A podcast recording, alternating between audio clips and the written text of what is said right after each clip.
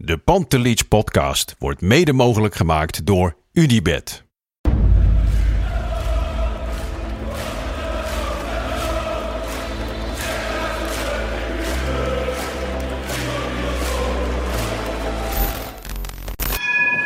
For me, they can have just lot of goals, lot of fun, and some some other things.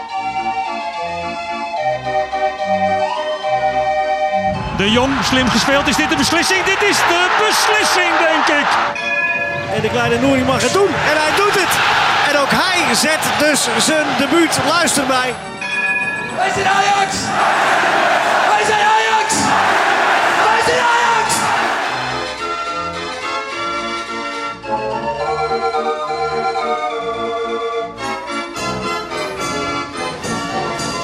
Maandagavond, en dat betekent uh, Pantelich podcast tijd. Dinsdagochtend online, dus jij zit waarschijnlijk in de auto of zit wat anders te doen. Uh, maar ja, zonder een Ajax-wedstrijd in het weekend. En dat betekent een uh, speciale editie. Vandaag samen met mijn favoriete advocaat, Christian Visser. De enige die je kende, zei ja, net. dat zei ik vanmiddag aan de telefoon. dat klopt. En een gast vandaag, Fabian, Fabian Nachtzaam. Welkom. Dankjewel, Lars. Bij de Pantelich podcast. Ik neem aan uh, dat jij wel eens een Ajax-podcast luistert. Zeker. Uh, ik ga niet vragen wat je favoriet is, bla bla bla. Maar wil je wel toegeven dat wij het mooiste decor hebben? Bijna. Ja? maar de tafel is toch schitterend? De tafel is schitterend. Het logo op dat hartstikke mooie shirt van dit jaar is ook schitterend. Nee, ja. jullie hebben hartstikke mooi decor. En Chris is ook wel een beetje mijn favoriete advocaat. Ja? Ja. Maar jij kent er meerdere. Ik ken er zeker meerdere. maar samen met Chris doen wij wel uh, af en toe uh, wat juridische zaken. Ja. Dus uh, Chris is niet onze enige advocaat, maar ja. wel een van de betere. Dat durf ik wel te stellen. Want stel jezelf even voor, als je Va wil. Ja, zeker wil ik dat. dank voor de uitnodiging overigens. We zitten hier op historische grond, want hier is onze club ooit begonnen met voetballen in Noord. Dus ik vind het altijd fijn om hier te zijn. Noord is sowieso hot op dit moment. Ja. Mijn naam is dus Fabian Nachtzaam. Ik ben uh, 45 jaar, vader van twee geweldige zoons. Uh, wonend in Purmerend, geboren en getogen daar. Maar de roots liggen hier aan de overkant van het ei in Amsterdam, in het centrum. Want de hele familie komt uit Amsterdam, behalve ondergetekend en mijn zusje. Hm. Dus ik was in mijn jeugd eigenlijk alleen maar in, uh, in de stad. En daar is het eigenlijk wel begonnen ook. Hè, daar is mijn liefde voor Ajax ook wel ontstaan. Ja, en tegenwoordig ben je actief directeur bij de supportersvereniging. Klopt. Wat houdt dat nou, nou zoal in? Ja, het werd mij net ook gevraagd, is dat een baan? En dat hebben wel meer mensen aan mij gevraagd de afgelopen ja. jaren. Maar het is meer dan een baan zelfs. We hebben twaalf mensen werken bij de supportersvereniging. Ja. Ik zeg altijd het team achter het team. Elf mensen plus ondergetekende. Dan mag ik een beetje de trainer zijn. En met elkaar proberen we uh, ja, de supporters dichter bij de club te brengen. En de club dichter bij de supporters. En dat doen we 24 uur per dag, 7 dagen in de week. Wat cool. Toch, ja. Chris? Ja, zeker. Als jij naar de supportersvereniging kijkt, hè, wat komt er het eerste jou op? Jij kent het denk ik net wat beter dan ik en menig supporter. Ja, nou vooral de enorme grootte ervan. Volgens mij meer dan 100.000. Hoeveel is het nu? Ja, bijna 130.000 betalende 100, leden. Ja. Ja, ik heb dus, ik ben volgens mij vroeger toen ik werd geboren, ben ik direct bij de Ajax Kids Club gezet. Um, daarna ook lid gebleven. En inmiddels heb ik al jarenlang een seizoenskaart. Maar ik ben ook nog steeds SVA-lid. Volgens mij komt dat er ook een klein beetje door. Omdat je, volgens mij kan je maar één keer per jaar opzeggen en vergeet ik dat. Dus dan, kijk, ik bedoel, ik ben seizoenkaarthouder. Dus in principe, ik heb de rechten niet echt nodig. Um, dus ja, ik vergeet het altijd en papa betaalt wel. Dus dat is een van de weinige dingen die mijn vader nog voor me betaalt. Maar je bent wel een goed voorbeeld, Lars. Want eh, we zeggen altijd van jong tot oud. Ajax ziet ben je niet voor even, maar voor je hele leven. Ja. Dus jij bent bij de Kidsclub begonnen inderdaad. Nu nog steeds lid. Ja, dat is eigenlijk wel het voorbeeldlid voor ons. Want naast uiteraard dat je de voor, voor, voorverkoop uh, voorrangsrechten hebt qua kaartverkoop, Ja. doen we nog veel meer. ja. Want dat houdt in evenementen, et cetera. Heel veel evenementen, meer dan 50 per jaar. Naast de wedstrijdactiviteiten, waarin je altijd de kinderen natuurlijk als mascotte ziet oplopen. Ja. De ballenjongens en meiden bijvoorbeeld, die komen ook via onze vereniging. Uh, de vlaggenwapperaars. Maar we organiseren ook heel veel andere evenementen. Waarbij ook af en toe spelers bij aanwezig zijn. Waardoor je handtekeningen kan scoren. Selfies tegenwoordig. Moet er altijd nog steeds aan wennen. Voetbaltoernooien, et cetera, et cetera. Echt grootschalige evenementen. Kleinschalige evenementen. Zoals een pubquiz. Ja, we proberen voor iedereen zijn garing wel, wel iets aan te bieden. En vandaar dat we elke dag daarmee bezig zijn om naast al die evenementen ook nog via onze media de Ajaxide te bereiken. En is het dan eh, is het een leuke baan? Het is meer dan een leuke baan. Lars. Ja? Omdat je alleen maar met Ajax... Maar ik vraag het eh, omdat hè, bij een supportersvereniging... denk ik vooral ook aan het, aan het bemiddelen tussen club en supporters. Supporters staan niet altijd in een positief daglicht. Eh, voetbalclubs doen steeds meer de luiken en deuren dicht. Dus je bent ook veel aan het vechten tegen iets wat je ook weer niet kan winnen. Dus daarom vraag ik het. Nee, klopt zeker. Alleen dat weegt niet op tegen al die positieve dingen. Nee. Er is voor mij echt niks mooiers dan Ajaxide blij maken. Nee. Nou, als je dat kan doen, elke dag weer. Als je, je vroeg net om mezelf voor te stellen. Als je mensen tegenkomt die met mij in de zandbak hebben gespeeld. Toen ik een jaar of vier was. Dan zeggen ze, oh ja, dat jongetje dat voor Ajax was. Dus dat heeft er vanaf het begin af aan wel ingezeten. Mensen zeggen ook wel eens, is het, is het je droombaan? Nou, dan moet ik ook wel weer zeggen nee. Want de negatieve aspecten die jij net benoemt, die horen er ook bij. Ja. Want Chris, op het moment dat jij gebeld wordt door de supportersvereniging... zal dat niet zijn om een pubquiz te organiseren. Nee, niet per se, maar het hoeft ook niet negatief te zijn. Vertel eens, wat heb jij bijvoorbeeld wel eens voor de Nou, supportersvereniging dat, dat, gedaan? dat is aan Fabian om daar iets over te zeggen. Maar ehm, ik, ik, denk, ik denk dat dat negatieve beeld van supporters... dat dat wel genuanceerd moet worden, ook in zijn algemeenheid. Ik bedoel, als ik aan de SVA denk, dan denk ik daar dus eigenlijk helemaal niet aan. Aan, dat, aan het negatieve aspect. Dan denk ik juist aan alleen maar het positieve.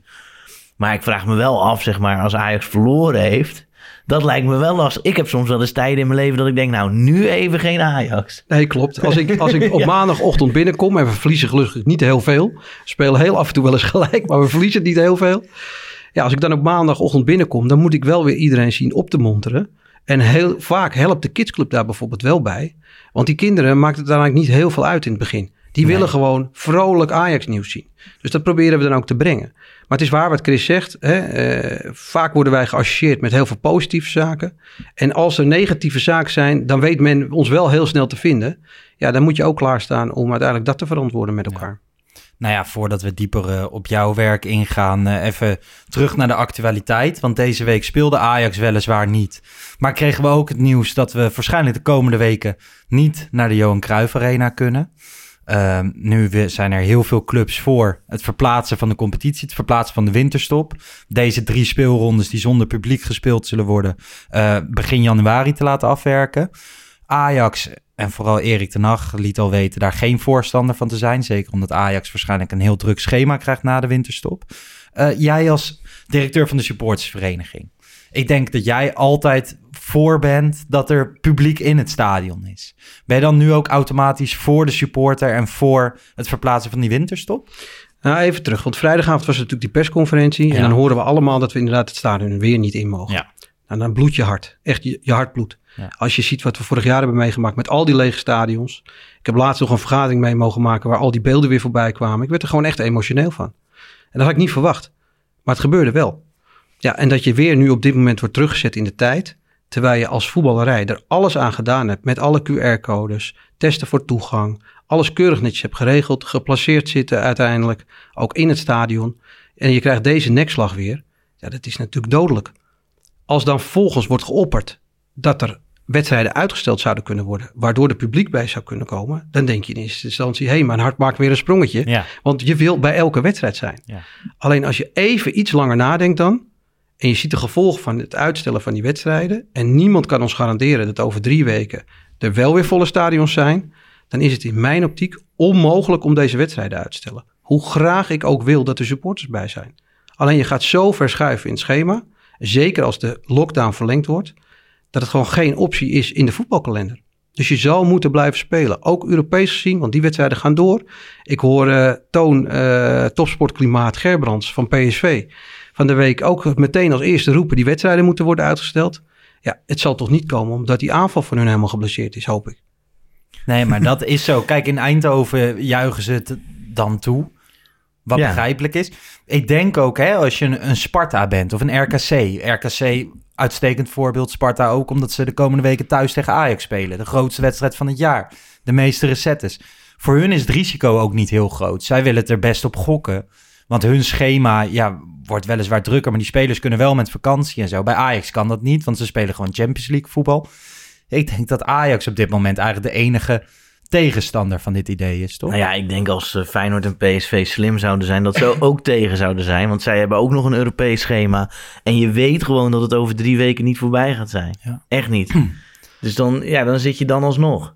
Kan Dus het- Zeker, ik wil er echt nog iets aan toevoegen. Want we noemen Ajax, PSV en Feyenoord. Maar ook AZ en Vitesse hebben nog steeds kansen in Europa. Dus wat dat betreft, als je kijkt naar de coëfficiëntenladder... Hè, waar we als Nederland zijn, dat heel goed doen op dit moment... waar we bijna bij een vaste tweede plek in de Champions League zitten... Ja. is het op lange termijn voor het Nederlands betaalde voetbal... veel beter om op dit moment door te voetballen. Want je houdt je ritme en de druk wordt niet gelegd in de tweede seizoenshelft... waar het moet gaan gebeuren voor het Nederlands voetbal. Ja. Nee, ja, als Ajax ziet, eh, onderschrijf ik dat alleen maar. En als supporter eigenlijk, weet je, toch, toch heb je een beetje dat kriebeltje van... Laten we het maar proberen. Ver, verplaats die zooi en dan kunnen we tenminste straks naar het stadion. Ook al weet je dat het onrealistisch is. Ehm, ja, het kwam voor mij wel als een verrassing. Want ik heb de afgelopen weken eigenlijk... Hè, het voetbalstadion, daar voelde ik me eigenlijk relatief veilig. Ja, ja en het is ook wel bijzonder hoeveel voetbalsupporters accepteren in verhouding tot an- andere burgers. Kijk, wij zijn natuurlijk zo gewend dan aan de beperkingen van onze vrijheden, dat zo'n QR-code, dat kon er ook nog wel bij. Ja. En, terwijl, en het werd gewoon, ja, ik weet niet of het overal perfect ging, maar naar mijn idee best eh, heel goed gedaan door de clubs. En nou ja, ik heb in eh, restaurants en cafés gezeten, nou daar heb ik nooit een code gezien en helemaal niks eh, was er aan de hand. Nou, ik moet wel eerlijk zeggen, ik ben Ja. in veel restaurants en cafés geweest. Het is mij tot nu toe echt altijd gevraagd. Maar je hoort inderdaad wel dat het hier links en rechts eh, niet helemaal goed gaat. Bij Ajax hoor je inderdaad vrij weinig bezwaren. Mensen gaan netjes testen. En ze zitten er ook wel tussen die dat niet doen. Maar die verkopen hun kaart vaak wel door voor een gewoon normale prijs. Dus dat is ook oké. Als je niet wil, dan wil je niet. Maar ik baal er wel echt flink van. Want straks zit je weer gewoon eh, naar die wedstrijden in een leeg stadion te kijken. En los van dat ik er dan niet ben, het maakt me nog wel gewoon uit. Maar het, het is gewoon, het brengt veel minder mee, toch? Ja, nou, ik kijk wel naar dat lockdownjaar ook wel van, ja, eh, al- alles was weg. En gelukkig was Ajax er nog. Dat is waar, Daar konden we er nog in ieder geval naar kijken. Kijk, ik wil natuurlijk in het stadion zijn. Maar als dat jaar Ajax ook nog eens heel slecht was geweest, dan was ik nog chagrijniger geworden. Dus laten we blij zijn dat we straks op zondag gewoon voetbal kunnen kijken met elkaar. Al is het via ESPN. Ja, ik ben Ja. benieuwd of ze, het, eh, of ze het er doorheen gaan drukken. Want volgens mij is het ook wel gewoon eh, vanuit de KNVB een soort, soort ja, temper of zo. Gewoon, het, eh, toch? Ja, het is Om die clubs rustig te houden. Nou ja, die, nou ja, andersom zie je dat de KNVB lijkt wel een van de boosste te zijn. Zeg Ja. maar, ja, die zijn Ja. er echt. Ja, iedereen vindt het heel vervelend, maar de KNVB lijkt er echt emotioneel door Ja. geraakt te zijn. Maar ja, dan En- moeten hun eerst een lobby op, op poten hebben, Ja. want die hebben ze niet op poten. Die werden verrast. Nou, dat verbaast mij nou weer.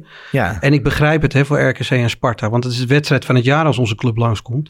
Dus dan wil je graag met supporters spelen. Ja, het is heel, nou eenmaal echt verschrikkelijk deze pandemie, maar we moeten er met elkaar doorheen in de hele wereld. En als dit nou de oplossing op dit moment is, ja, laten we dan alsjeblieft toch nog voetbal kunnen kijken op tv. Was het nou ook zo dat eh, het OMT niet per se aan de overheid had gezegd van je moet ook weer die voetbalstadions sluiten? ja dat klopt. Dat hebben ze op eigen houtje ja, gedaan. dat hebben ze zelf verzonnen. Ja. Ja, dus Voetbalsupporters uit de stadions, lekker rustig, minder druk op de politie, zoiets. ja. Ja, ja, je weet niet hoe dat precies. eh, En anders krijg je ook wel weer, hè, eerlijk is eerlijk, de rest van het land van ja, ik mag niet naar mijn feestje, maar die mensen mogen wel naar het voetbalstadion. Je Ja. moet ergens een, een bepaalde lijn trekken, maar het is vooral heel erg jammer. Ehm, ja, laten we het maar over positieve dingen gaan hebben. De supportersvereniging bestaat al bijna 30 jaar. Dat betekent overigens dat als ik echt lid was vanaf dat ik één of twee was, ik denk dat dat zo is, volgens mij is dat zo, dan eh, ben ik bijna die gehele periode al lid. Ehm, ja, wat is het nut van de supportersvereniging? Ja, wel tweeledig. Je had het net over die belangenbehartiging ook, hè? eh, richting club, richting KNVB, maar ook Europees. Dat we zo laagdrempelig mogelijk toegang hebben tot stadions. Eh, ook de prijsonderhandelingen, zo noem ik ze altijd. Hè? Als je het hebt over de wedstrijdkaarten, eh, wat Ja. die kosten. De seizoenkaarten, wat die kosten. Uiteindelijk zijn wij beïnvloeder en de club bepaalt. Want hè, zij gaan uiteindelijk over de prijs van de kaarten. Maar proberen we ze wel zoveel mogelijk daarin te beïnvloeden. Zitten op dit moment een directie waarmee we heel goed zaken kunnen doen. Ik kan niet anders zeggen. Dat van Menno Gele tot eh, Van der Zar. Eh, Suzanne Lenderink, eh, Overmars. Allemaal luisterend oor voor de supporters gelukkig. zitten er natuurlijk twee spelers in die nou ja, weten wat het is om voor supporters te spelen. Dat merk je ook wel in het beleid. Dus dat is de ene kant, hè, de lobbywerkzaamheden. De andere kant is dat wij inderdaad heel veel evenementen organiseren. En uiteindelijk proberen wij daar zoveel mogelijk dus supporters dicht bij de club te brengen. Want ik ben begonnen uh, ooit 32 jaar geleden met mijn seizoenkaart. Toen liep ik naar de meer. Ik liep het hek door en ik kon gewoon Van zien trainen. Ja. Met uh, Kluivert en uh, al, alle spelers van toen. ik kon daar tegen meneer Van Gaal zeggen dat ik vond dat Sonny Siloy in de basis moest. Want hij vond het in zijn wijsheid toch wel verstandig om hem op de bank te zetten. Voor meneer Reiziger. Uh, ja, dat soort dingen gebeurden gewoon. Je, je, je vroeg handtekeningen, fotootjes, nog met uh, uh, fotorolletjes inderdaad. Ja. Maar ik, je moet ook met je tijd meegaan. Alleen als je nu naar de toekomst gaat, dan is er een groot hek. dan kom je er als supporter niet meer op. En daarom zijn wij wel heel veel, of heel graag voor meerdere open trainingen. We hebben het laatst ook gezien met het evenement waarbij supporters werden bedankt vanwege het feit dat ze al een centje teruggegeven hebben aan de club. de compensatieregeling. Ja, daar is een open training. En als je zoveel blije gezichten ziet, dan zou je toch zeggen als club zijnde, als zometeen de corona binnen de perken is, laten we die poorten weer opengooien af en toe met elkaar. Ja, bij PSV hebben ze het nu gedaan. Hè? Ja. Weer meer open trainingen. Bij sommige clubs mag je altijd, uh, altijd kijken. Maar ik kan me inderdaad ook nog herinneren toen ik een stuk, een stuk jonger was. Toen heb ik nog een keer, uh, ik denk dat ik 11, 12 jaar was. Toch op de foto met Dimitri Boulikin. Dat is helemaal het mannetje hoor. Nu een paar jaar later Dimitri weet ik niet of ik daar weer zo trots op ben. Maar nee, dat snap ik wel. Als je nou terugdenkt aan die hele periode als, als directeur bij de supportsvereniging. Wat is dan je... Uh, waar ben je het meest trots op? Nou, trots is wel een groot woord. Je probeert het zo goed mogelijk te doen met elkaar. En, uh, maar je moet het wel, vind ik, altijd een beetje relativeren en ook een beetje humor uh, erin houden. Dus trots is wel een groot woord. Maar uh, ik, we zijn echt nou, down the drain gegaan in mijn eerste jaar. Kan niet anders zeggen. Ik begon op de dag dat uh, Klaas-Jan Huntelaar tekende. Dus ik kreeg allemaal appjes. Fantastisch, dit gaat helemaal geweldig worden. Nou, tien dagen later stapte Peter Bos op. En vervolgens viel uh, Abdelhak Nouri op het trainingsveld neer in Oostenrijk. Dat was een verschrikkelijk jaar. Dat weten alle Ajaxiden. Wat uitmondde uiteindelijk ook in wat agressie bij de, bij de slagboom, bij het stadion. Ja. PSV werd kampioen. Uh, en wij waren gewoon kansloos dat jaar. Door alle omstandigheden die er waren. ja, daarna is het eigenlijk alleen maar sky high gegaan halve finale Champions League. Waar we het hier hoop ik vandaag verder niet over gaan hebben over die wedstrijd. Zeker niet. Uh, de dubbel gepakt, uh, twee keer inmiddels uh, in, die, in die tijd. Eén eh, keer een competitie die afgebroken is, waarin we eigenlijk ook bovenaan stonden natuurlijk. Dus Ajax staat sindsdien eigenlijk iedere keer bovenaan. Dus dat zijn allemaal successen die voorbij zijn gekomen.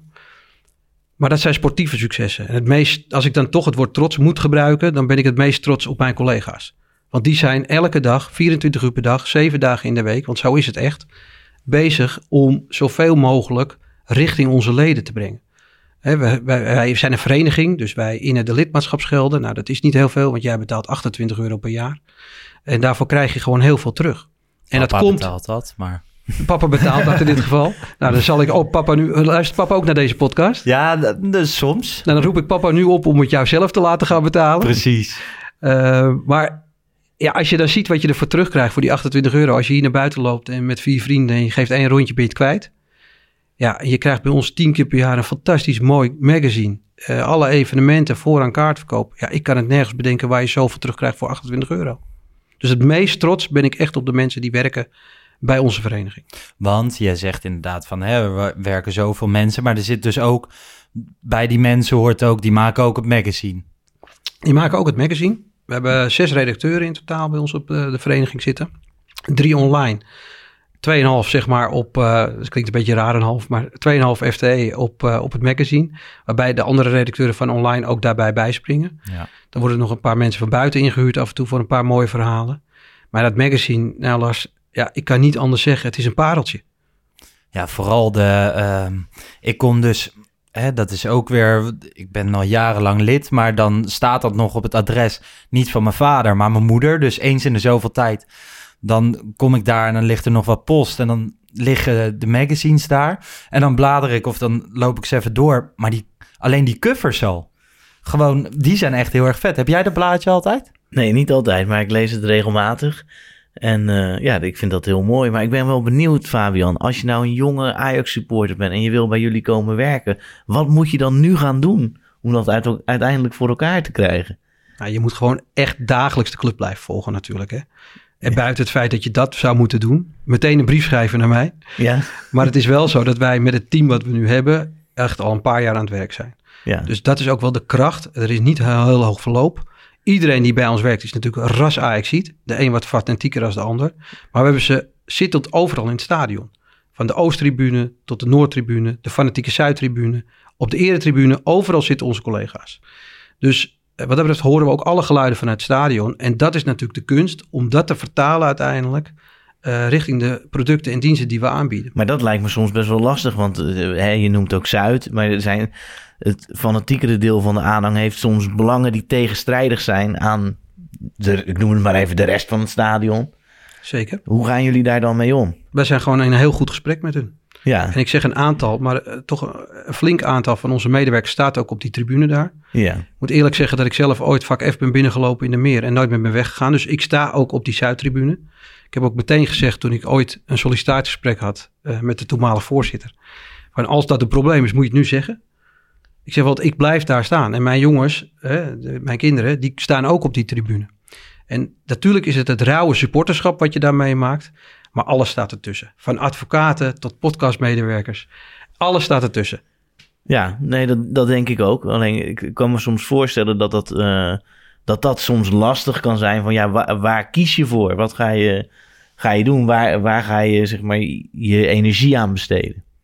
Ja, uiteindelijk kiezen wij voor de middle of the road vaak, inderdaad. Omdat dat, dat het gemiddelde en het meeste aantal supporters ook is, is in het stadion.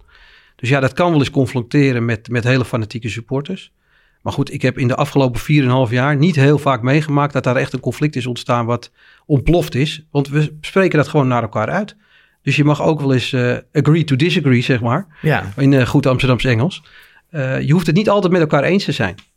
Maar is het dan ook, hè, als je, je noemde net al dat incident na PSV uit een aantal jaar geleden, dat PSV kampioen werd en dat, dat het op de rotonde wachten was. Ik heb volgens mij wel vaker in deze podcast gezegd van, ik was ook die uitwedstrijd. Ik hoorde ook in de trein terug van, yo, ze gaan de, de bus op wachten. Nou ja, ik ging daar ook heen, eh, even kijken van wat gebeurt er. Dat, dat deed bijna iedereen. Ehm, nou ja, dat ging er. Het was niet heel heftig, maar je had bijvoorbeeld een incidentje met Sieg daar. Dan kan ik me best voorstellen dat je als supportersvereniging heb je contact met de F-side, met de supporters op Zuid. Werkt het dan ook zo dat jullie kunnen zeggen van, hé hey jongens, dit was niet zo handig? Sterker nog, hebben we ook gedaan in, op de voorpagina zelfs van de grootste krant van Nederland. Daar trek je een streep. Je blijft van spelers en clubeigendommen af. Dat Ja. is een ongeschreven regel binnen sportsland. En dat ging daar over de schreef. En dat hebben we ook op dat moment kenbaar gemaakt. En dat kun, kan men wel of niet leuk vinden. Maar wij houden wel onze eigen merites daarin aan. Je blijft van clubeigendommen en spelers af. We zijn sowieso tegen geweld, tegen discriminatie. Dus weet dat. En dat spreken we dan ook uit als supportersvereniging. En de andere kant op werkt dat, ne- neem ik aan, ook zo. Als de club iets beslist waar de Zuidtribune of gewoon alle supporters het niet mee eens zijn, dan ga je proberen Ajax op de vingers Zeker. te tikken. Ik noem ons altijd een, eh, een bijtgrage waakhond die wel aaibaar is. Ja, ja dat moet je, je moet ook aaibaar blijven, Zeker. neem ik aan. Zeker. Want dat is, ja, ik mag het wel een spel noemen met elkaar. Je wil het beste voor de supporters uiteindelijk, zeker op de langere termijn. Ja, soms moet je wel eens een stapje terugzetten om twee stappen vooruit te kunnen zetten. Als je kijkt naar de arena zelf, dat is nu echt ons stadion geworden. Ja. Echt Ajax-stadion geworden. Dat was natuurlijk de eerste jaren helemaal niet. Er zat geen ziel in het stadion. Het was verschrikkelijk op die stoeltjes daar. Met al die verschillende kleuren. Ja, dat is echt veranderd ook. Dus ook de Johan Cruijff Arena, die hebben we natuurlijk beïnvloed om dat uiteindelijk te bewerkstelligen met elkaar.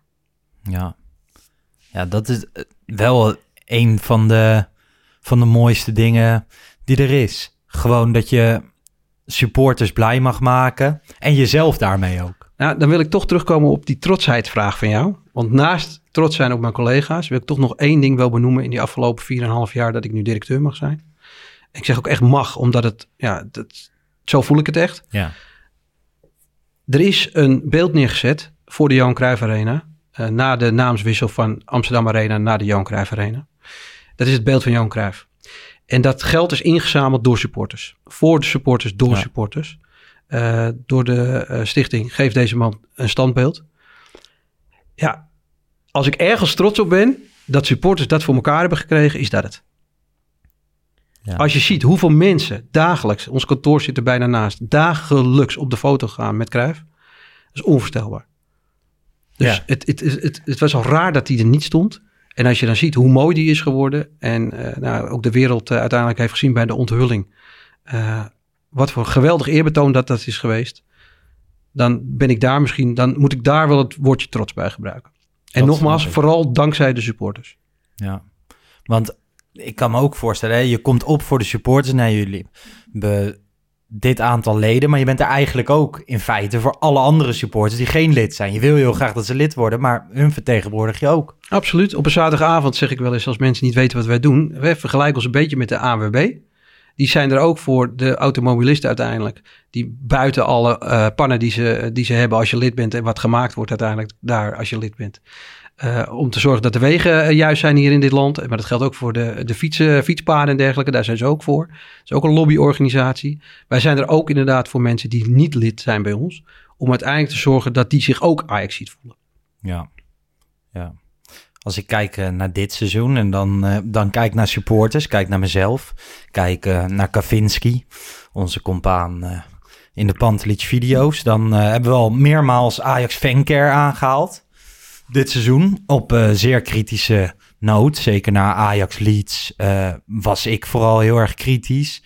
Ajax was toen destijds ook kritisch. Toen konden we misschien wel zeggen dat het met de corona-checks en zo, dat ging echt niet goed. De app werkte niet, et cetera. Ehm, ik neem aan dat Ajax Fancare ook bij jullie nu op zich wel een item is waar je het met de club over hebt. Op wat voor manier steek je dat dan in?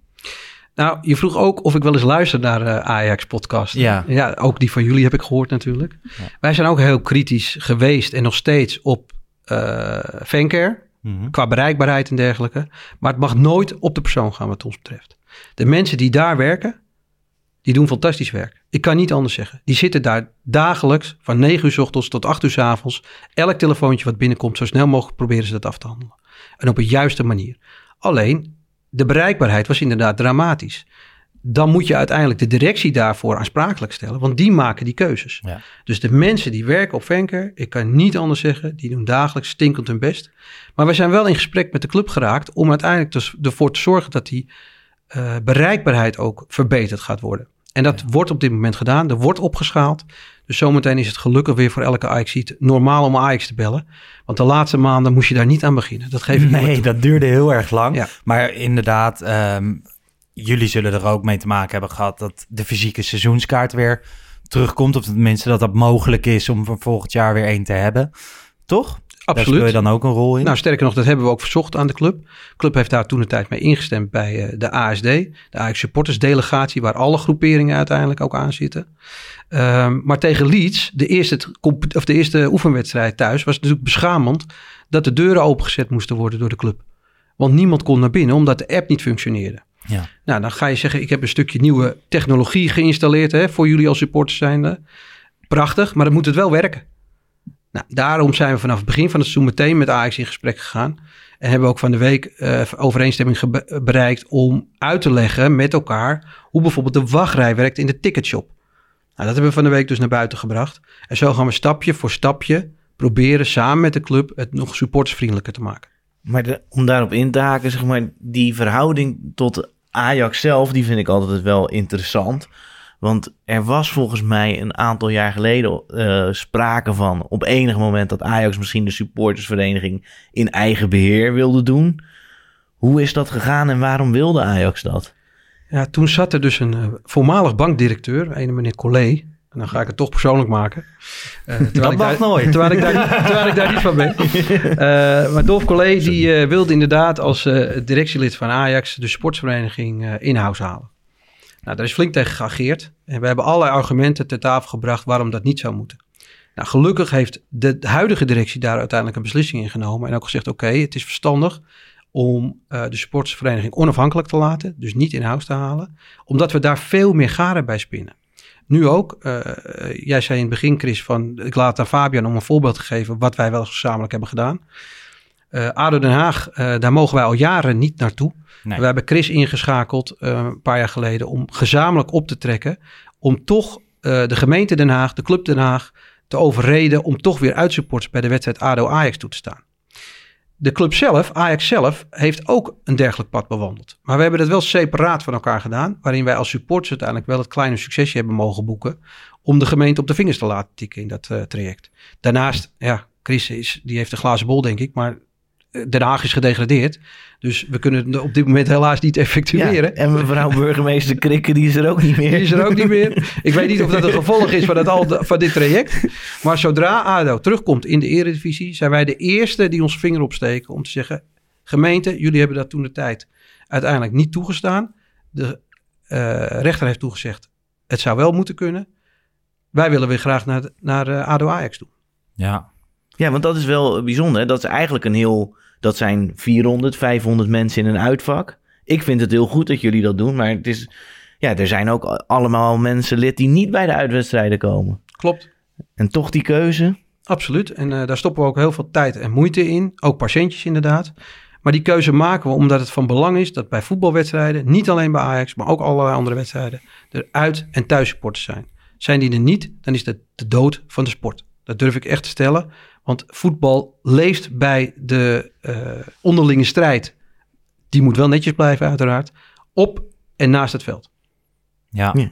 Maar dat is wel interessant dat je dat zegt. Niet alleen bij Ajax. Betekent dat ook dat je met andere clubs samen optrekt op dat soort gebieden? Zeker, we zijn ook vertegenwoordigd in het eh, supporterscollectief, wat landelijk actief is. Eh, en daarin strijden wij met alle supportersverenigingen voor een beter supportersklimaat. Het is nog steeds een doorn in mijn oog dat er zeven directeuren in Zeist rondlopen bij de KNVB. En geen een van die directeuren heeft supportersbeleid in zijn of haar portefeuille.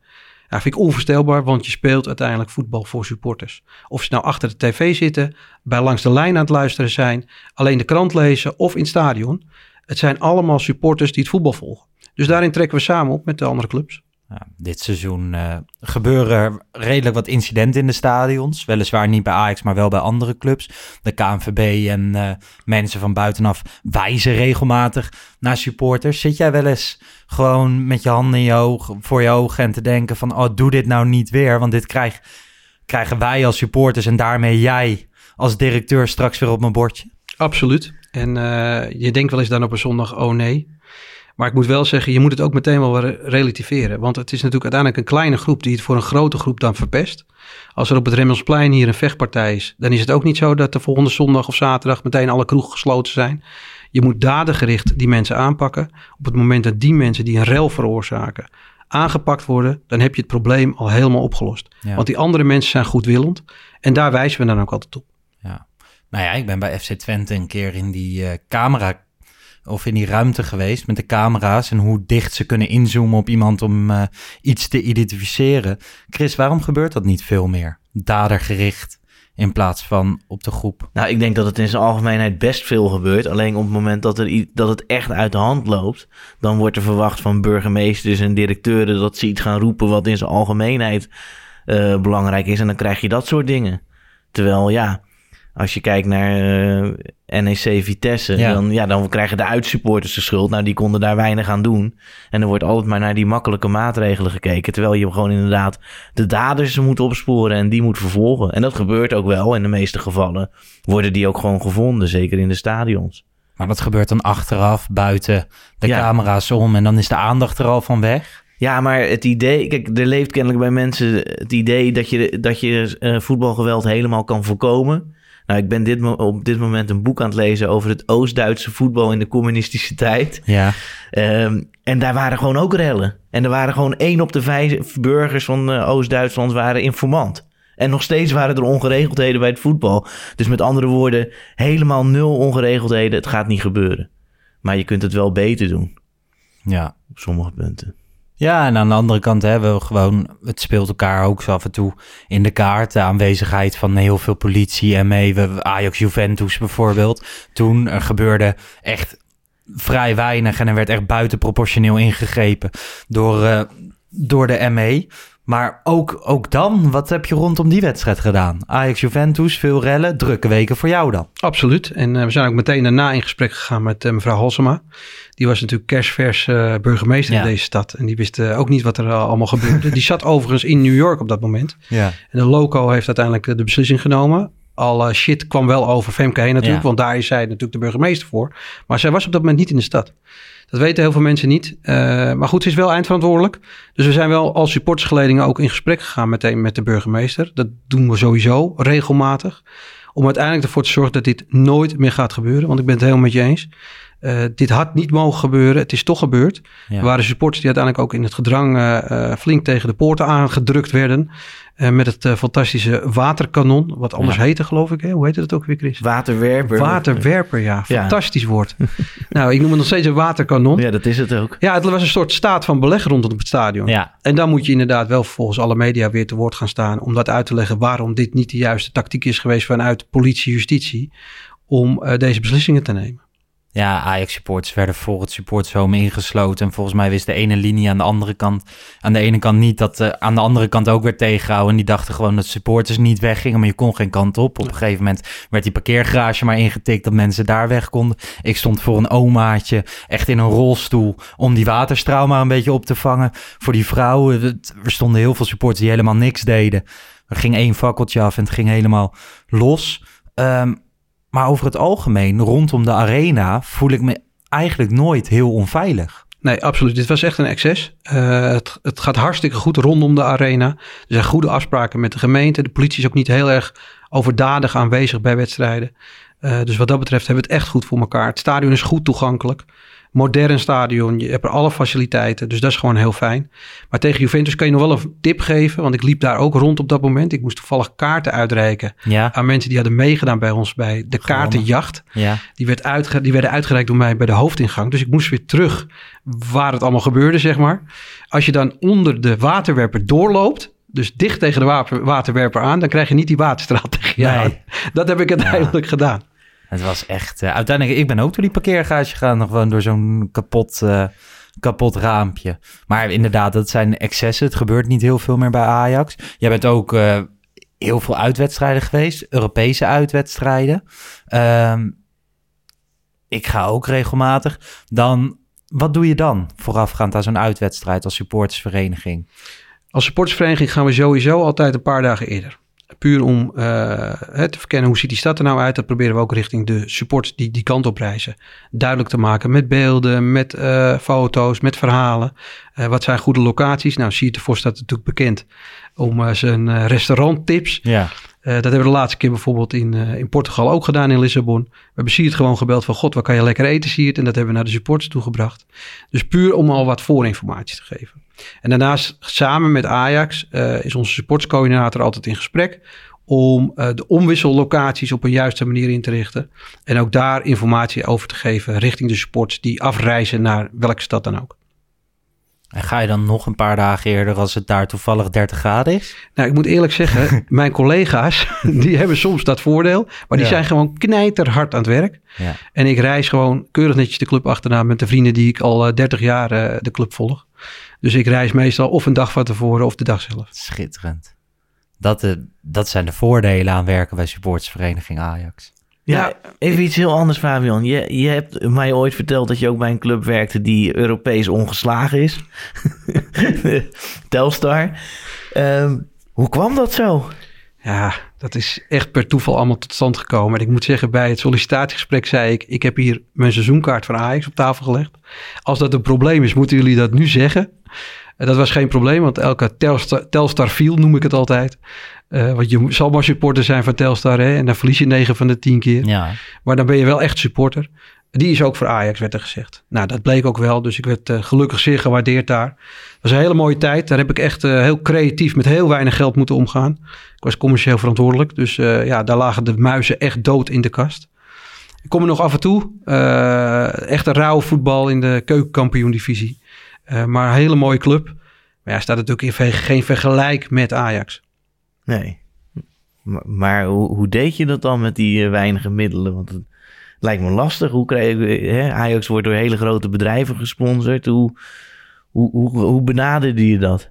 Nou, ook vanuit een supportersgevoel. Want uh, zeker in de Eimond, hè, waar Telstar gevestigd is, in de Muiden, daar zit heel veel groot bedrijfsleven ook. Dus je probeerde wel dat grote bedrijfsleven ook bij die club te betrekken. Want uiteindelijk is het ook een vertier voor de mensen in die regio. Die gaan op vrijdagavond dan in dit geval naar die club toe. Die kunnen zich daar verpozen. Die hebben het naar hun zin bij zo'n club. Dus voor het bedrijfsleven is het ook van belang uiteindelijk dat een dergelijke betaald voetbalorganisatie in de regio Eimond is. Toen de tijd bestond Haarlem ook nog. Nou, helaas failliet gegaan in, uh, in de periode dat ik bij Telstar zat. Want dan had je nog altijd de derby Haarlem-Telstar. Nou, dat is uh, Ajax Feyenoord in het, in het uh, Inimini, zeg maar. Maar die was er toen wel. En ja, dat waren hartstikke mooie en leuke wedstrijden. Maar nogmaals, in geen vergelijk. en het geld binnenhalen, puur op supporterschap. Puur op ja, het, het feit dat men Telstar overeind wilde houden.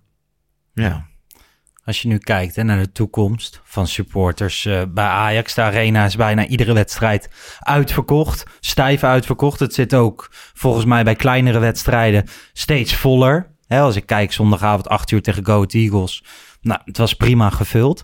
Wat zijn nou echt gewoon uh, doelstellingen? Gewoon, of misschien wel dromen, die je als supportersvereniging kan realiseren om het nog leuker te maken om Ajax te zijn? Nou, een van de wensen is wel dat ook in het nieuwe ticketing systeem secondary ticketing wordt geactiveerd. Dat zit erin, maar men is nu nog bezig om dat hele systeem uh, gebruiksvriendelijk te maken. Secondary ticketing is dat als jij niet kan als, als, als seizoenkaarthouder, dat je gewoon voor dezelfde prijs uiteindelijk via de club je kaartje aanbiedt ja. aan een supporter die wel wil en wel kan. Ja. Dan kan je ook die kleinere wedstrijden uiteindelijk totaal op de tribune en uitverkochte arena zien. En dat is natuurlijk alleen maar het voordeel van Ajax. Want zolang er een vol huis is en die sfeer is fantastisch, sta je 1-0 voor voordat je, de, voordat je de wedstrijd begint. Ja. Dus dat is wel een van de wensen nog. Zodra het secondary ticketing systeem geactiveerd wordt, verwacht ik dat die arena nog veel voller gaat zitten. Ook bij de kleinere wedstrijden. Ja, het is nu toch altijd gewoon een beetje in dubio zitten van... oké, ik kan deze week uh, echt niet.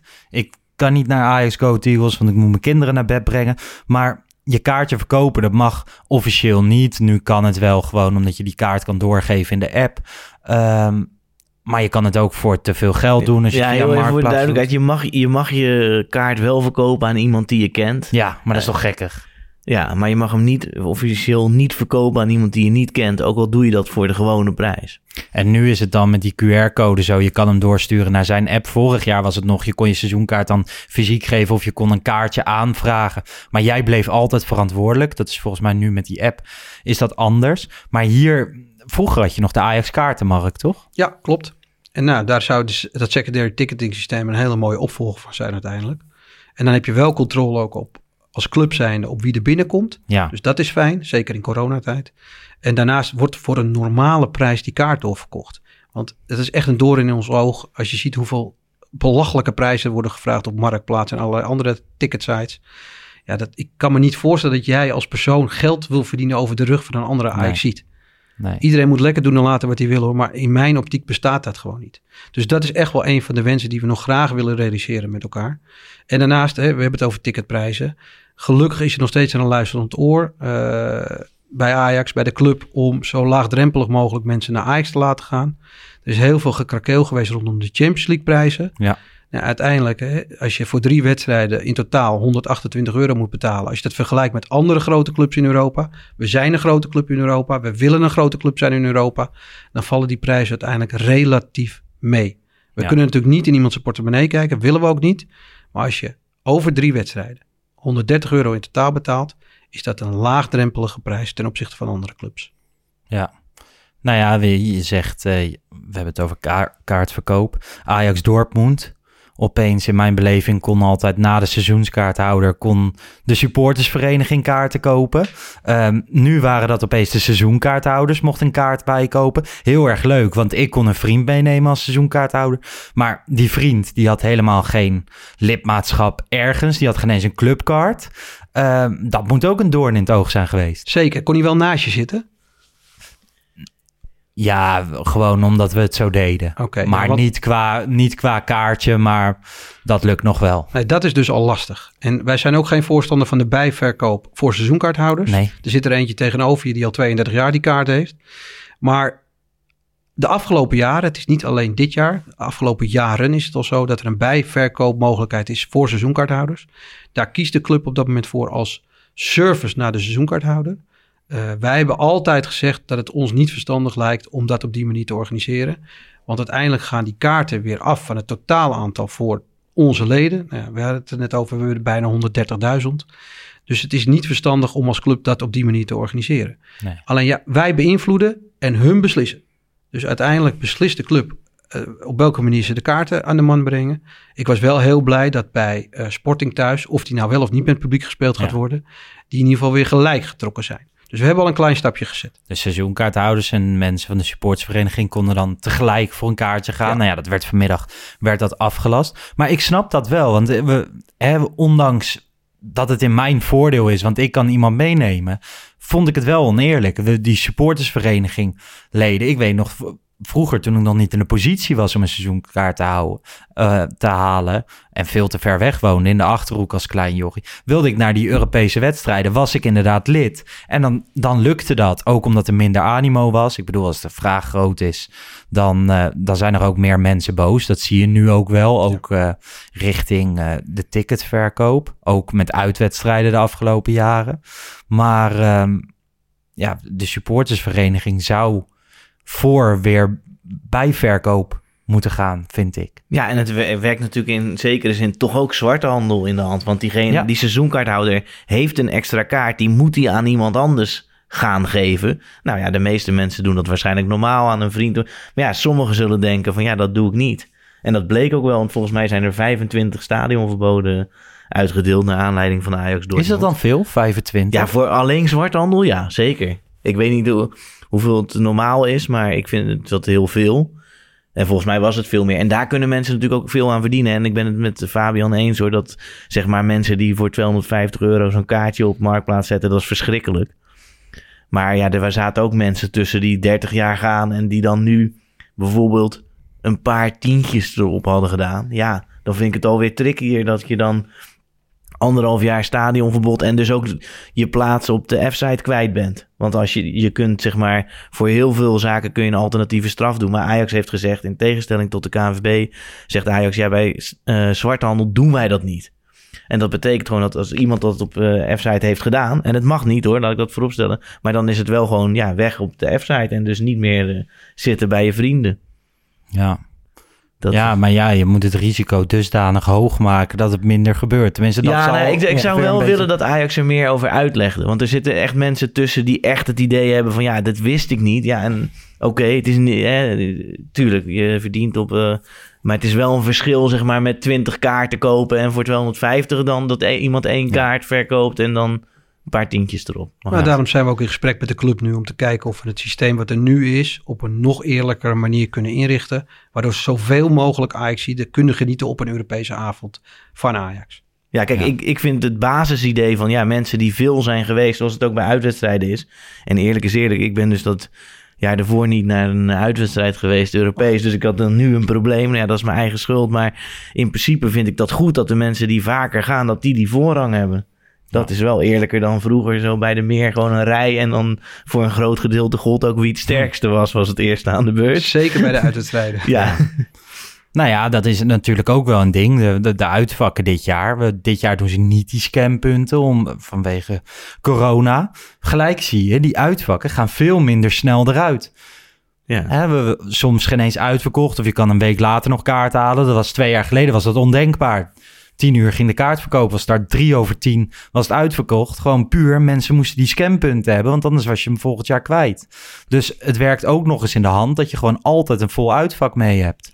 Nou, laten we wat dat betreft hopen dat die coronacrisis heel snel voorbij is. En dat de scampunten terugkomen, ja zeker. Nou ja, je had het uh, een beetje als we af en toe ben je ook... Uh, degene die communiceert met supporters. We hadden het net ook al even over Ajax Leeds. Ook over het feit dat ik zeer kritisch was in die aflevering. Uh, nou ja, het betoog duurde ongeveer 14 minuten. Waarvan 13 minuten denk ik nog steeds uh, heel goed waren.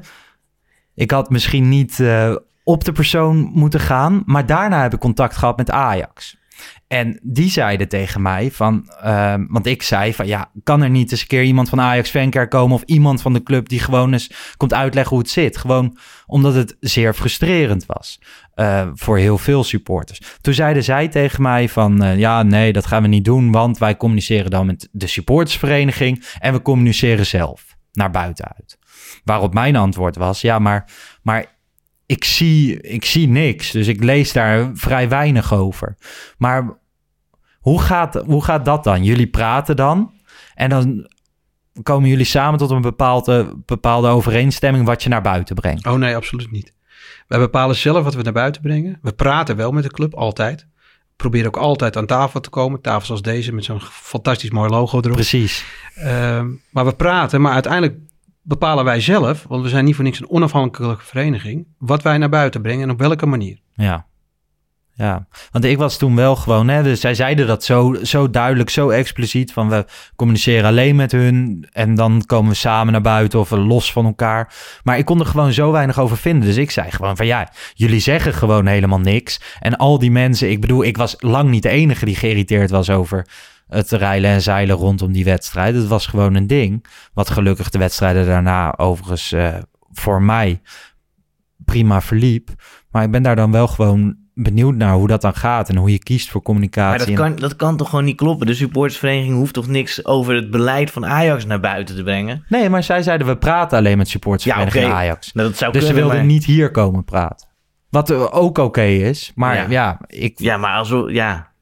Maar ik kan wel een mooi voorbeeld geven, Lars, want je begint zelf over Leeds. De dag erna hebben wij direct naar de directie Ajax een brandbrief gestuurd. Ja. Met alle problematieken die die dag daarvoor hadden plaatsgevonden. Ja.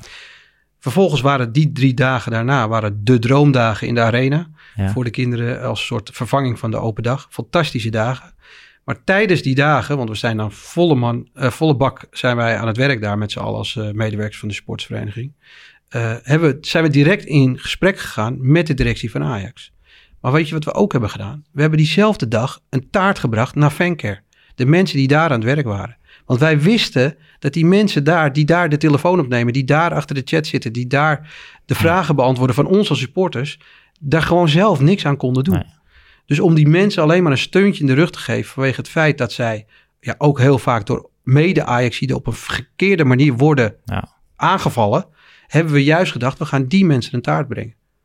Dus zo probeer je met elkaar uiteindelijk te komen waar je wil zijn. En dat is een supportersvriendelijk beleid vanuit de club. Nou, maar daar heb je gelijk. Hè. Of je nou bij de KPN of Ziggo of waar dan ook op de fancare zit. Ja, dan krijg je altijd, Ja. eh, altijd de shit over je heen. Ik bedoel, die wedstrijd tegen Leeds eh, zag ik op een gegeven moment ook een steward, een vrouwelijke steward. Die wist het gewoon niet meer. Die kreeg zoveel shit over zich heen. Gewoon van ja, mijn QR-code of mijn ding doet het niet en dit en dat. En de, poorten gingen inderdaad open en die corona-checks moesten nog wel gebeuren. Maar ja, het was zo druk en het liep maar allemaal door elkaar heen. Het was gewoon een zootje. Maar dat kunnen de mensen op de vloer aan zich kunnen daar niet zoveel aan doen. De, uiteindelijk is die app misschien niet goed genoeg getest of zijn de failures er niet uitgehaald. De, de fout ligt altijd op meerdere schijven en ik ben de eerste die... eh, die dat erkent. En later, volgens mij een paar dagen later, was er alweer een thuiswedstrijd. Johan Cruijffschaal, denk Ja, ik. klopt. Dat die was. En eh, toen waren er vrij weinig problemen. En daarnaast, daarna waren er nog wat dingen die veel kleiner waren. Alleen die worden, ja, ze liggen wel onder een vergrootglas. Hè, op Ajax Fancare, als je een vraag stelt, je, je krijgt of geen antwoord, of het standaard antwoord dat je moet bellen of DM'en en dan krijg je weer geen antwoord. En dat zal waarschijnlijk te maken hebben met onderbezetting en allemaal dat soort dingen. Want op LinkedIn zie je inmiddels inderdaad de vacatures passeren. Dat ze echt wel op zoek zijn naar mensen. Dus nee, ja, het is geen kwaadwillendheid, maar het is wel gewoon frustratie voor de supporter en ongetwijfeld ook voor jou. Absoluut. En dat maken we dus meteen kenbaar ook aan de club. En stapje voor stapje, want je geeft het ook zelf aan, hè, wordt het steeds beter. Maar het zijn kleine stapjes vooruit. En uiteindelijk wil je natuurlijk liefst die hele grote stap meteen vooruit zetten. Dat het Ja. meteen gaat zoals je wil als supporter zijnde. Maar ja, helaas is dat niet gebeurd. En dus moet je het echt stapje voor stapje doen. Ja. Heb jij er nog wat aan toe te voegen? Nee. Nee? Nee? Nee, je hebt er al zoveel over gezegd. Nee, maar gewoon in het algemeen. Ja, nee, ja, ik, ik vind zeg maar dat, dat de server zo in zijn algemeenheid goed is. Maar dat, eh, ja, dat, dat, dat het toen slecht ging. En je kunt je wel afvragen, zeg maar, als hè, Ajax wil Champions League topclub zijn, ja, dan hoort dat niet zo te zijn. Dan moet je gewoon te raden gaan bij andere clubs die dat eh, wel goed lukt. Eh, ja, ja, maar dat is ook zo. Daar moet maar je van goed, leren. ik bedoel, ik vind zo over zijn algemeenheid. Dus ik vind altijd, als je gewoon met Ajax fancare spreekt, dat je ontzettend vriendelijk te woord wordt gestaan. Ja, misschien als er een advocaat belt. Nee hoor, ik Ja, sorry, ik- daar ben ik echt... Ik wil echt in veel mee, maar... de- de- Nee, ja, nee, ik, maar ik, ik bel toch niet als advocaat. Ik bel gewoon als Christian. Dan heb ik een vraag. ja, dan- Christian Visser en ik ben advocaat. Nee, maar dat, ik heel nooit. aardig. Dat staat niet in de registers hoor. Dat eh, weten ze helemaal niet. Maar nee, goed. maar natuurlijk, weet je, we gewoon ook, je had eh, we hebben de nieuwe thuisshirts met het prachtige oude logo. eh, dat mensen heel lang moeten wachten, daar zou je ook mee bezighouden. Er gaat, er gaat genoeg mis en er gaat ook genoeg goed. Want ik vind de service in principe vanuit Ajax hartstikke prima. ja, Alleen het is logisch dat als alles bij de club helemaal goed gaat, dat op dit moment wel mensen wijzen naar Ajax fancare, toch? ja, ja, op zich wel. Maar Al is het de laatste weken echt eh, relatief rustig. Alleen rondom de verkoop voor grote wedstrijden. Maar dat ga je houden, want de vraag is gewoon zo groot. En dat betekent dat het alleen maar goed gaat. Absoluut. Ik heb eh, de verkoop van de UEFA Cup finale hier in Amsterdam beide meer meegemaakt. Ja, Nou, eh, jullie kunnen het nog terugkijken op YouTube. Eh, er stonden te veel mensen en er waren te weinig kaarten. En uiteindelijk waren er heel veel mensen teleurgesteld. Ja. Ja, ik zei de gek, had gelukkig een paar kaarten voor mij en mijn vrienden. Maar er waren heel veel mensen teleurgesteld. Nu is het allemaal digitaal. Ja, inderdaad, er zijn nog steeds heel veel mensen teleurgesteld. Als er maar 55.000 mensen in de Ja. arena kunnen. We kunnen er niet zomaar een ringetje op laten zitten helaas. nee. Nee, ja, dat ga je blijven houden. Tenminste, dat hoop ik. Want we hebben ook wedstrijden gehad in de voorronde van de Europa League. Dus zat die arena al vol. Ik verwacht nu zelfs dat, hè, mochten de supporters bij mogen zijn... zo'n wedstrijd tegen Barendrecht... heb je alsnog een groot deel van het stadion verkocht. Maar daar is Ajax ook wel slimmer in geworden. Hè?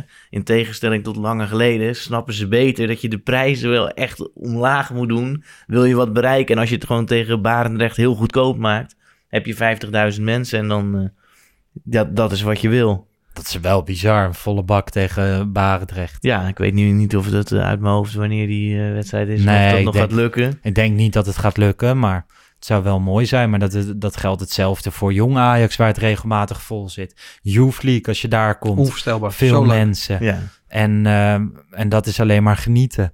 Dus ik hoop dat we heel snel weer naar het stadion ja, misschien komt het eh, omdat eh, Fabian en ik wat ouder zijn dan jij. Dat, als je het vergelijkt met langer geleden, is, zijn dingen nu zoveel beter geregeld. Dat, ja, dat, dat vind ik wel. Want vroeger was de fancare nog... Ja, Toen dat- bestond er geen fancare, niet, Ja, Toen was het gewoon Ja, ieder voor ja. zich. Wie- Nee, maar wat jij ja. zegt, want dan stond je in de rij... en dan was het een beetje de re- Ja. het recht van de sterkste. ja Dus dan heb je nog een tijdje die staatsloterijmachines gehad. Waarvan dan altijd het gerucht vinden dat sommige sigarenboeren die klokken konden verzetten. Ja, Ja, dat zodat je eerder kon ja, dat kopen. je eerder kon kopen. Ja. Maar dat is echt goed mogelijk dat het inderdaad gewoon eh, Ja. zo was, toch? Ja, dat weet ik niet. Die systemen zullen niet super scherp zijn geweest. Nee, ja, dan ging je draaien. Hup, om, eh, om negen uur begon iedereen... Ja? te- Ja? tot hoeveel je kon. Acht kaarten kwamen er dan bij de ene sigarenboer uit... en de andere had er elf. En dan, ja... Wat schitterend. Maar uiteindelijk, jongens, bottom line is het heel simpel. Onvoorwaardelijk voor Ajax. Want je wil natuurlijk heel graag naar het stadion met je vrienden. En ik snap, hè, ook voor onze leden, dat er soms mensen teleurgesteld zijn als ze geen kaartje hebben. Maar je bent onvoorwaardelijk voor Ajax. Ja, jij zal daar nog veel meer hebben. Leden van de supportersvereniging, die zijn altijd aan het vechten om die laatste 10 à 12.000 kaarten. Nou ja, dan zal je redelijk vaak eh, berichten krijgen, toch? Van ja, het is me weer niet gelukt. Wat is het me nog waard om hier lid van te blijven? Dat kan ik me goed voorstellen. Laten we even naar positieve gaan, want het gaat heel goed met Ajax. En eh, wat ik zei, je bent eh, vaak in het stadion geweest. Nu hebben we sinds kort ook een rubriek, stadionverhalen.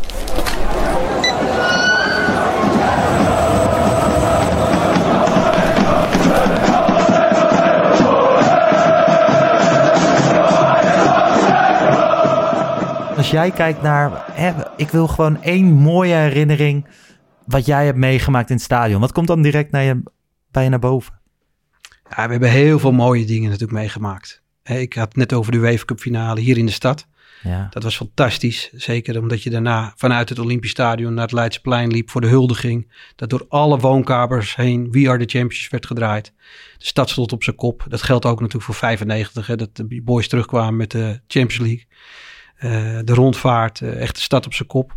Maar je hebt het over stadionverhalen. Nou, dan ga ik echt terug in de tijd. Opa verteld. eh, naar de meer. Ik, heb, ik stond op vak F en bovenin. En er was een kerel die had een enorme joint op, volgens mij. Die viel in de derde minuut in slaap. Het was Ajax Fortuna Sittard. Wij scoorden, geloof ik, in de vierde minuut 1-0 en hij sliep door. Toen hebben we hem wakker gemaakt na de wedstrijd. En we hebben die beste jongen verteld dat wij met 6-0 hadden gewonnen. Nou, die jongen die ging uiteindelijk het stadion uit. Twee weken later weer natuurlijk op de tribune. Die gozer was hels op ons. Want hij kwam thuis en had tegen zijn vriendin gezegd... nou, we hebben 6-0 geworden. Maar dat was natuurlijk niet zo. Het was maar 1-0. Dus dat zijn wel de mooie dingen die je gewoon in een stadion meemaakt. En het allermooiste Ja. vind ik... Hè, eh, we hadden het net over, er zit een advocaat hier in het midden. Eh, maar van eh, de vuilnisman op de straat tot aan de advocatuur... wit, rood, zwart, groen, alles zit in het stadion. Het is echt een mengelmoes, een dwarsdoorsnede van de stad... wat uit heel het land heen komt. Want we hebben supporters vanuit Groningen, Maastricht, eh, Nijmegen... die Ja. elke keer naar Ajax toe komen. Dat vind ik wel het mooie. Ja, heel mooi verhaal. Chris, aan jou hebben we het ook nog niet gevraagd. Wat is jouw mooiste stadionverhaal? Nou, ik wil een beetje aansluiten bij de uitzending van vandaag. En eh, Fabian had het net ook over de be- benaderbaarheid van spelers. En Ajax gaat eh, binnenkort weer op eh, Spangen voetballen, Sparta. Ja. En daar zijn ze altijd heel eh, vriendelijk, vind ik, voor Ajax. Maar ik ben een keer daar geweest toen Ajax tegen SVV voetbalde. Jij weet waarschijnlijk niet wie dat Nee. zijn. Dat eh, SVV kwam uit Schiedam. Die hadden een heel eh, klein, krakkemikkig stadionnetje in Schiedam. Dat is inmiddels een woonwijk geworden. Maar die speelde op dat moment op eh, Spangen. En, ik, eh, en, en wat wel bijzonder was, ik weet niet of veel mensen dat nog weten, maar het kasteel van Spangen, het kasteel zelf, dat is, is nu de eretribune en is de lange zijde. Maar dat was vroeger altijd achter het doel. Dus dat kasteeltje stond aan de achterkant. En ik zat op die kasteeltribune en eh, ik was daar al heel vroeg. En die spelers kwamen gewoon het veld op. En ik kon gewoon... De aanval was toen van het schip. Bergkamp en Brian Roy. En ik heb ze alle drie even aan hun eh, ja- jasje getrokken. Wil je een handtekening op het programmaboekje zetten? En dus ik heb een programmaboekje van SVV Ajax. Met Roy, Bergkamp en van het schip erop een handtekening. Overigens verliep die wedstrijd dramatisch. Want Ajax stond toen gelijk. Of ja, volgens mij gelijk met PSV. Alleen met een slechte doelsaldo. En toen gingen we ja, geen internet, niks. Dus op radiootjes. En al heel snel kwam PSV 1-0 achter in Groningen. 2-0 achter in Groningen. Dus dat ging echt heel goed voor Ajax. En ze konden dus, het was de Ja. ene laatste wedstrijd kampioen worden als ze dan wonnen. Maar Ajax kwam 1-0 achter tegen SVV. En eh, ja, wat ze ook probeerden. eh, Jan Wouters was erbij en alles. eh, ja, Joop Hiele was toen keeper van SVV en die hield alles tegen. En Ajax verloor die wedstrijd met 1-0. En de week daarop werd PSV kampioen. 1991. Maar ik had wel een handtekening van Bergkamp van het Schip en Brian Roy. En eh, nou ja, Ja, op die eerste twee eh zou je nu nog steeds heel trots zijn. Op die van Brian Roy misschien ietsjes minder. Nou, dat was heel grappig, want Brian Roy was toen 19 jaar. Hij was een heel groot talent. En Adidas had een kledinglijn. Brian Roy Adidas trainingspakken. En die droegen SVV gewoon als warming-up trainingspak. Ja? serieus.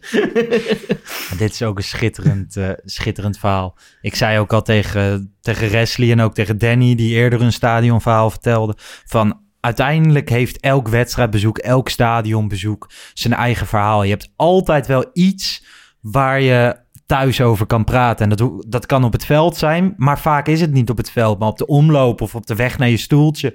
Of je hebt die ene bekende weer gezien. Ajax, eh, mensen vragen ook wel eens aan mij, ja, wat is er dan aan als je weer naar Ajax Cambuur gaat en 9-0 wint? En dan soms gaat het genees om die 9-0. Of zie je de helft van die wedstrijd niet, maar het gaat ook gewoon om de, om de vriendschap en vooral de loyaliteit in die vriendschap. En dat, dat maakt Ajax voor mij zo mooi. Naast dat ik ontzettend geniet van de, eh, van de successen en de Europese successen. Maar toen het minder ging, was het ook al zo mooi. Of tenminste iets minder mooi, maar je snapt wat ik bedoel, toch? Absoluut. En eh, Chris zei aan het begin van deze uitzending... wat moet je doen als jonge ajax ziet om bij de supportersvereniging te komen werken? Maar zoek je nog een baan of niet? Nou, Want dit is waar het om draait. Dit is waar het om draait. Ja, Precies zoals is- je net zegt. dat is wel altijd wat ik, wat ik eh, voel. En gewoon sowieso voor supporters. Hè. Hiervoor eh, maakten we een podcast over voetbalsupporters vanaf de tribune. We ook met andere clubs, Utrecht, hooligans, van alles. Maar ik vind dat supporters komen zo snel onder een vergrootglas te liggen of zo. En daarom zijn supportersverenigingen zo belangrijk. En ook de andere kant op. Dat als ik in een podcast een kwartier lang ga lopen zagen en daarbij een naam noem, wat misschien niet helemaal netjes is, ehm, ook een tikje op mijn vingers krijg. Maar daar, daar moet dat voor zijn. En daarom is het zo belangrijk wat Chris eerder zei, dat het onafhankelijk is. Denk ik. En dat je er altijd terecht kan. Misschien wel een mooie conclusie, toch? Ja, dat we Van blij mogen zijn met de SVA. En, ja, en blij ook dat jij hier wilde zijn vandaag. zeker. Altijd. Zeker. Want ehm, jullie gaan nog veel mooie dingen doen. Vooral eh, het ticketsysteem nog even aanscherpen. Dat straks iedereen... Misschien toch wel... Kan je handmatig dat ringetje erop bouwen? Dan maak je pas echt iedereen ik zou jou niet mijn technische kwaliteiten meegeven. Nee, Nee? Je blijft wel gewoon praten. dat, en dat eh, spelletje spelen. absoluut. De ene kant op, de andere kant op. Nou ja, dankjewel inderdaad voor je aanwezigheid. Chris, jij bedankt. Graag gedaan. Ik heb weer genoten. Ja. En eh, volgende week zijn we er weer gewoon. En ja, aankomende zondag in principe met een wedstrijdeditie. Als het hele programma niet omgaat. We Maar ja. wachten af. Dat gaan we zien. En dan volgende week woensdag gewoon weer eh, lekker Champions League. Besiktas uit. Nou ja, voor nu een fijne week. En eh, tot de volgende. Ciao. Ciao. Hoi.